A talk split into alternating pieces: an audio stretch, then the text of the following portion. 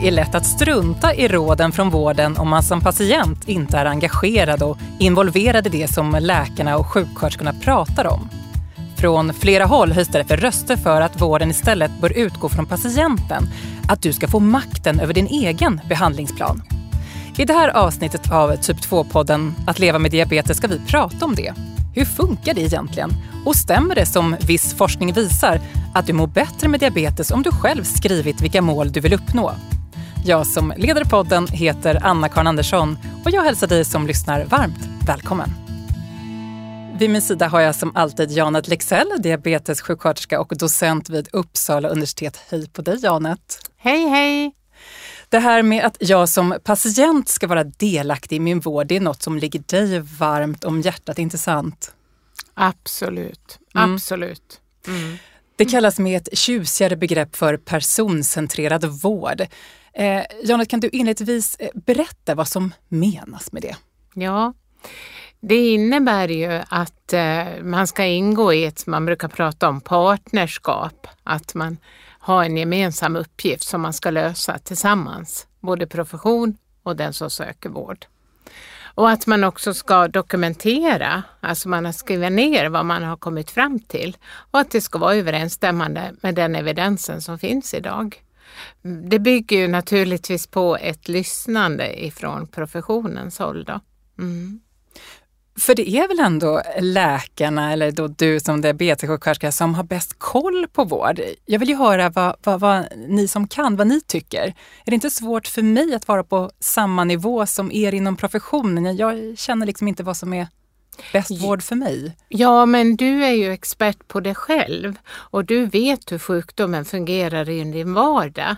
Vi har ju mer en generell kunskap och då gäller det ju att anpassa den kunskapen till just den personen som du har framför dig och det måste, du, det måste ske genom en dialog och genom att lyssna. Det kan inte vara på något annat sätt. Och sen är det ju olika. Vissa är ju otroligt pålästa som har som lever med personer med diabetes. Det finns ju professorer som har diabetes, liksom, som läser mycket och så. Så att jag tycker inte man ska dra alla över en kam. Men vad är skillnaden om till exempel en, en läkare eller sjuksköterska bara bestämmer och säger den här vården ska du ha, till skillnad från den här personcentrerade idén? Det, så du, det du nämnde nu kan ju också vara personcentrerad, för jag kanske är en sån människa så jag vill ha ett, två, tre, gör så här och då går jag ut och gör det. Det beror ju på hur jag är som individ och person. Det skulle inte passa mig speciellt bra, men andra människor kanske det passar alldeles utmärkt. Eh, diabetes är ju ett kroniskt tillstånd, något man måste leva med om man fått diagnosen. Och hur man eh, mår påverkas ju mycket av hur man själv tar hand om sig och sin sjukdom. Du menar att det här med personcentrerad vård därför passar extra bra för personer med diabetes. Varför då? Därför att du är ju den personen som har diabetes. Du är ju inte din diabetes, du är ju Anette eller Kalle eller vem du nu är. Och du, må, du har att hantera den här sjukdomen 24 timmar per dygn. Och därför så måste du ju ge makten, alltså kraft till den här personen att kunna klara av att hantera den här vardagen. Och det är ännu mer viktigt med ja, just diabetes ja, tänker du än om ja. man har någon annan? Ja, mm. ja precis. Det bedrivs en hel del forskning om vad personcentrerad vård skulle kunna ge för fördelar. Bland annat är du själv involverad i ett sådant projekt och din doktorand ska gästa oss nu för att berätta om hur jag kan bättra på mina chanser att nå mina må bra-mål om jag skriver en plan tillsammans med min sjuksköterska. Och då kanske vi får veta hur du är på ditt riktiga jobb, Janet, när du inte sitter här och podd, poddpratar.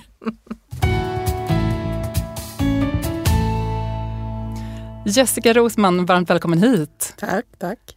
Du är diabetessjuksköterska och eh, doktorerar om typ 2-diabetes vid Uppsala universitet. Vad är det du gillar med att forska om typ 2-diabetes? Ja, jag har jobbat med diabetes typ 2 i fem år nu då på vårdcentral eh, i primärvården. Och jag tycker det är intressant att jobba med, med den sjukdomen därför att det är så mycket mer än medicinen. Det handlar inte om tabletter tabletter eller insulin utan det handlar om så mycket mer. Och där kan man som sjuksköterska påverka. Och, och jag har funderat mycket på det här varför det går bra för vissa personer med diabetes att göra de förändringar som kan behövas medan andra har det väldigt mycket tuffare. Det är ju svåra saker att göra en, en, en förändring i sin, sin livsstil eller vad det kan handla om för, för att eh, uppnå de mål som man kan ha med sin diabetes. Och jag har funderat mycket på att varf, vad kan jag göra för att hjälpa en person eh, att må bättre och varför går det, går det lättare för andra än för, för vissa? Och, och, det där har jag funderat mycket på. Och det är väl lite det som min forskning handlar om. Eh, vad kan man i vården göra för att hjälpa dem som har det tufft? Mm. Mm. Och Janet är din handledare. Man är ju lite nyfiken. Jag träffar henne ju bara så här vid mikrofoner. Hur är hon i den vetenskapliga världen? Ja, Janet är ju, som man ju hör när hon pratar här också, hon är ju väldigt mån om att ta reda på hur personer har det i verkligheten. Hon är intresserad av människors upplevelser av olika saker. Och det speglar sig verkligen i hennes forskning också hur hon, eh, inspirerar mig i min forskning och också andra. Att, att människans upplevelser är i centrum. Och det verkar stämma in bra på det eh, forskningsspår som du också har valt och ditt intresse för att just se hur eh, människor kan nå sina mål. Mm. Eh, för ditt forskningsprojekt Jessica handlar om att undersöka om personer med typ 2-diabetes kan må bättre om de sätter upp en skriftlig plan tillsammans med sin sjuksköterska. Dels hur det skulle påverka blodsockret och dels hur det skulle påverka hur de känner sig och mår. Hur är tanken kring studien? Tanken med studien är att ta reda på om en skriftlig eh, behandlingsplan där sjuksköterskan, diabetessjuksköterskan och personer med diabetes tillsammans sätter upp mål för, för vad personen önskar genomföra. Det handlar om, om det vi brukar kalla egenvård, alltså kost, motion, att komma ihåg att ta sina tabletter, om att orka leva med sjukdomen, alla de här sakerna som, som, som, som det innebär att leva med, med en kronisk sjukdom. Och att då få sitta ner tillsammans med sin diabetessjuksköterska och skriva ner det här på ett papper. Att ver verkligen formulera det här som man kanske annars bara tänker eller pratar kring. Verkligen klart och tydligt skriva ner. Vad är det vi håller på med här med din diabetesvård? Och så skriver man ner det och skriver ner vilka mål man har eh, och hur man ska nå de målen och, och, och tillsammans formulerar det här. Eh, och, och, tanken med min forskning är då att, att eh, ta reda på om det här har någon effekt. Eh, det vet vi inte riktigt idag. och, och Därför tycker jag att det vore intressant och viktigt att ta reda på det. För, för att allt vi gör i vården behöver vi ju veta att det faktiskt har en, den effekt eller att det överhuvudtaget har någon effekt.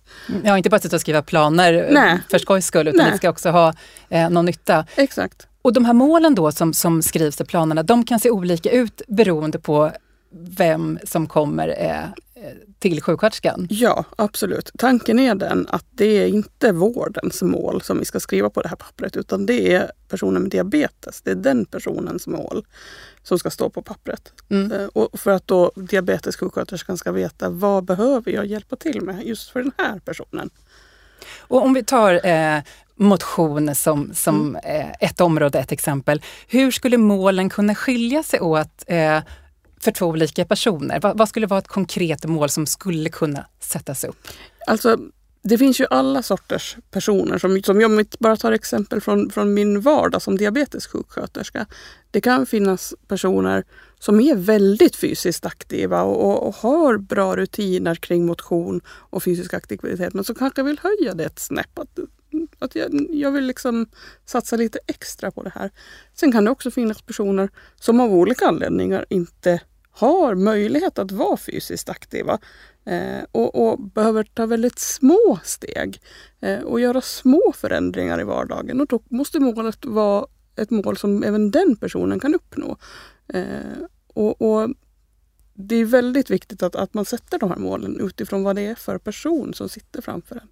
Och anpassar dem. Eh, vilken är din teori? Jag tänker att eh, i ett, eh, ett möte med sjuksköterska så är det naturligt att man, man sitter och, och pratar som vi gör nu i podden. Vad tror du är grejen med att det sätts på pränt, så att säga? Just det här med att det är skriftligt. Vad, vad är Eh, dina tankar kring det? ja, eh, man vet inte riktigt eh, om man tittar på tidigare forskning om det har någon effekt. Jag, jag har sett lite forskning där, det, där man ser att just det här med att ha det på ett papper har någon effekt. Men man vet kanske inte riktigt exakt varför. Men därför tycker jag att det är intressant att, att, att undersöka det mera för att se, kan liksom själva pappret, ha, har det någon effekt? Ger det något mervärde? Ja. Och kanske en irrelevant fråga, men jag är ändå nyfiken. Jessica, vad tänker du att man ska förvara den här eh, personliga skriftliga behandlingsplanen? Är det liksom på datorn eller i kylskåpet? Eller liksom, har du, På kylskåpet. På kylskåpet. Eller kanske insidan i, i badrumsskåpet eller någonstans där man liksom står ofta. Ja, Mm, så att man ser synligt den. så att man Synligt. ser. Ja. Kanske få lite samma effekt som nyårslöften. Om jag har berättat om Mm. den för många Precis. så blir det lite som en effekt att nu måste jag Precis. hålla det här. Ja, Mm. Eh, det här med att inte bara kontrollera mätvärden eh, utan även se eh, vad som kan ge, eh, öka livskvaliteten hos personer med typ 2-diabetes eh, Mm. är ju någonting som är kärnan i din studie. Både mäta vad det kan ge för effekt på blodsockret på längre sikt men också hur patienterna mår. Varför är det intressant att också ta in båda de här variablerna? Därför att det är ju också viktigt hur man mår med sin sjukdom. Eh, livet måste ju också handla om kvalitet. Eh, ett liv där man mår bra, eh, det finns ju ett värde också i det. Och, och att kunna må bra med en sjukdom, det är väldigt viktigt, tycker jag. Eh, och, och, och att då verkligen se att det vi gör i vården kan leda till att man mår bra i sitt liv och har en god livskvalitet. Det tycker jag är väldigt viktigt.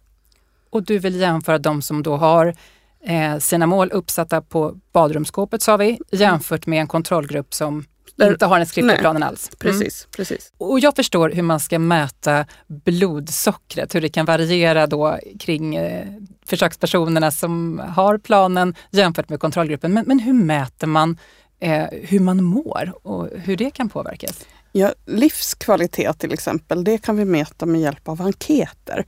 Eh, och, och då kan, kan försökspersoner få svara på frågor som till exempel hur har din fysiska hälsa varit de senaste 14 dagarna? Klarar du att gå två trappor? Eh, och då mäter vi fysisk, psykisk och social, psykosocial livskvalitet. Vi mäter som tre olika saker där. Mm. Och då återigen gruppen som har haft den skriftliga planen jämförs med kontrollgruppen. Precis. Eh, Det här med patienters ovilja eh, med att följa vårdens råd är ju en stor fråga. Eh, Man pratar om följsamhet. Eh, Skulle den här idén med en skriftlig vårdplan kunna funka även vid läkarbesök när man pratar mediciner och annat för att öka förståelsen för preparaten som skrivs ut och hur och varför de ska tas och så? Vad tror du? Janet, om det skulle visa sig ha en positiv effekt? Ja, alltså det, det tror jag är definitivt. För man har ju sett i studier att har man en, eh, har man en ökad, om man är nöjd med den, den läkemedel som skrivs ut så följer man också den ordinationen som man har fått. Så det är absolut på det sättet att det vandrar hand i hand. Definitivt. Kan man använda det i andra sammanhang? Jag tänker med gympaledaren för att bättra på flåset, skriver på lite mål ihop med Ja. gympaledaren i mitten. Ja, Ja. vi får väl se nu då. Vi får ju se eh, Jessicas utvärdering. Det blir, det blir fullt på badrumsskåpen med, med diverse mål. Ja, precis. I det här avsnittet av Typ 2-podden så pratar vi om personcentrerad vård och forskningen kring det. Eh, Janet, det, har gjorts eh, andra liknande studier. Eh, vad visar de? Funkar det här? Har det någon effekt att ge patienten inflytande? Ja, eh, som jag, eh, ja, absolut, det har det ju. Men eh, det, man måste nog ett steg till och verkligen veta att det är en person, så att man har med personerna som har den här sjukdomen på båten så att säga. Det är så lätt att säga att jag har gjort en personcentrerad vård eller här har vi en personcentrerad vård. Men uppfatta patienterna det? Där finns det inte så mycket forskning. Nej. Eh, eh, Jessica, eh, du menar att samhället skulle kunna tjäna på att jobba på det här sättet och andra är ju inne på samma bana. Att det finns så att säga vårdpengar att spara in inom diabetesområdet om patienterna är mer involverade i sin vård. Eh, hur kan det finnas ekonomiska vinster med det här, tänker du, om det skulle visa sig fungera? Ja, skulle det fungera så är det ju en ganska billig eh, sak att göra. Eh, det här kan man göra under det ordinarie besöket. Eh, man behöver inga dyra saker eller grejer. Eh, och på så sätt så skulle man ju eventuellt kunna spara pengar. De, de pengar vi har för vård är ju begränsade så att försöka hitta metoder som inte kostar pengar vore ju ett drömscenario om det nu skulle fungera. Och sen tänker jag också att vi vet ju också att, att de komplikationer som kan uppstå om man har diabetes och, och, inte riktigt når sina målvärden. Det är ganska dyra komplikationer. Vad eh, tänker du på då? Till exempel de här ögonkomplikationerna som kan, kan kan uppstå. Behandlingen av det kostar ju ganska mycket pengar. Njurkomplikationer och dialys. Nu, nu handlar ju inte det här egentligen om pengar utan det handlar ju om människor. Men, men, men om man ska tänka liksom riktigt i, i, i, realiteten hur det ser ut så är det ju pengar också som, som är inblandat i det här. Och, och då tänker jag att det vore väldigt positivt om man kunde hitta metoder som inte kostar så mycket pengar. Eh, och, och, och som samtidigt kan innebära att människor mår bättre. Eh, du jobbar ju också som diabetessjuksköterska. I ditt möte med människor, vad har du fått för eh, gensvar i ditt sätt att arbeta när du märker att en person eh, på ett annat sätt tar till sig av eh, ja, eh, råden och hur man kan leva med sjukdomen? Jag tror och har också fått till mig att det, det är väldigt uppskattat av patienter och personer med diabetes att få vara inblandad och, och känna det här att vi gör det här tillsammans. Eh, jag är aldrig här med några pekpinnar eller bestämmer någonting. Eh, det det är väldigt noga med att säga till mina patienter att jag kommer aldrig att bestämma vad du ska göra. Det gör du själv. Men jag kan gärna hjälpa dig och kanske ge olika alternativ eller råd eller tankar. Vi kan diskutera hur du själv, själv tänker. Men det är ju långt ifrån all vård eh, som jobbar enligt det här sättet.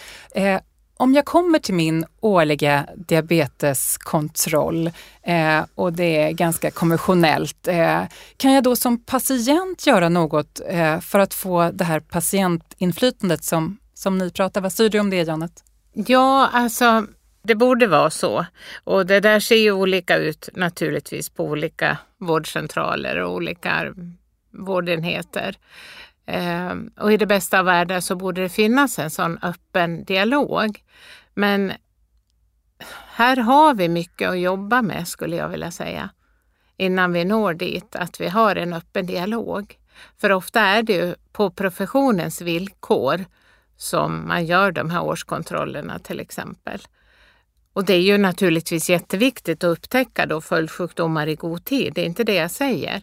Men det kanske inte finns överallt så mycket utrymme för personen som har sjukdomen att prata om, om just det, vad som behövs i mitt liv.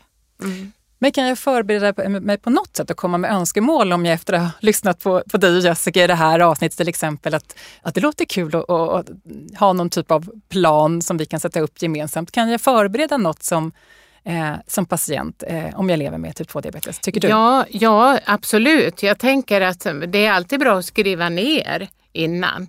Några korta punkter kanske. Och så kan man väl lämna över den lappen då. Det här skulle jag vilja prata om idag. Det här skulle jag vilja ha stöd.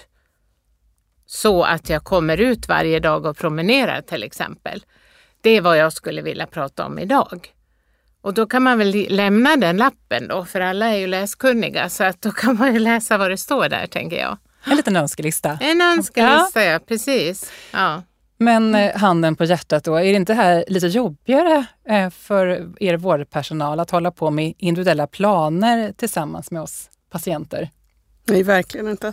Eh, vi jobbar ju för att hjälpa personer att må bra och kan vi då göra det på ett sådant här sätt så tycker jag inte att det är jobbigt alls. Men några kanske skulle kunna uppfatta det så, Janet, att det är lite krångligare när vi kommer här med våra önskelistor. Ja. Ja, vi, vi, får hoppas att ni båda blir omtyckta av, av kollegorna även efter att ha gjort eh, deras jobb lite mer tidskrävande kanske, eh, eller krångligare på något sätt efter det här poddavsnittet. Eh, Jessica Rosman, lycka till med eh, forskningen. Tack så mycket. Och tack för att eh, du ville vara med oss här i Typ 2-podden. Och eh, docent Janet Lexell, peppa din härliga doktorand på samma sätt som du peppar poddlyssnarna. Och tack för din medverkan. Tack, det ska jag göra. Absolut. Själv heter jag Anna-Karin Andersson och eh, Typ 2-podden Att leva med diabetes görs av det forskande läkemedelsföretaget Böringer Ingelheim. Tack för nu och på återhörande.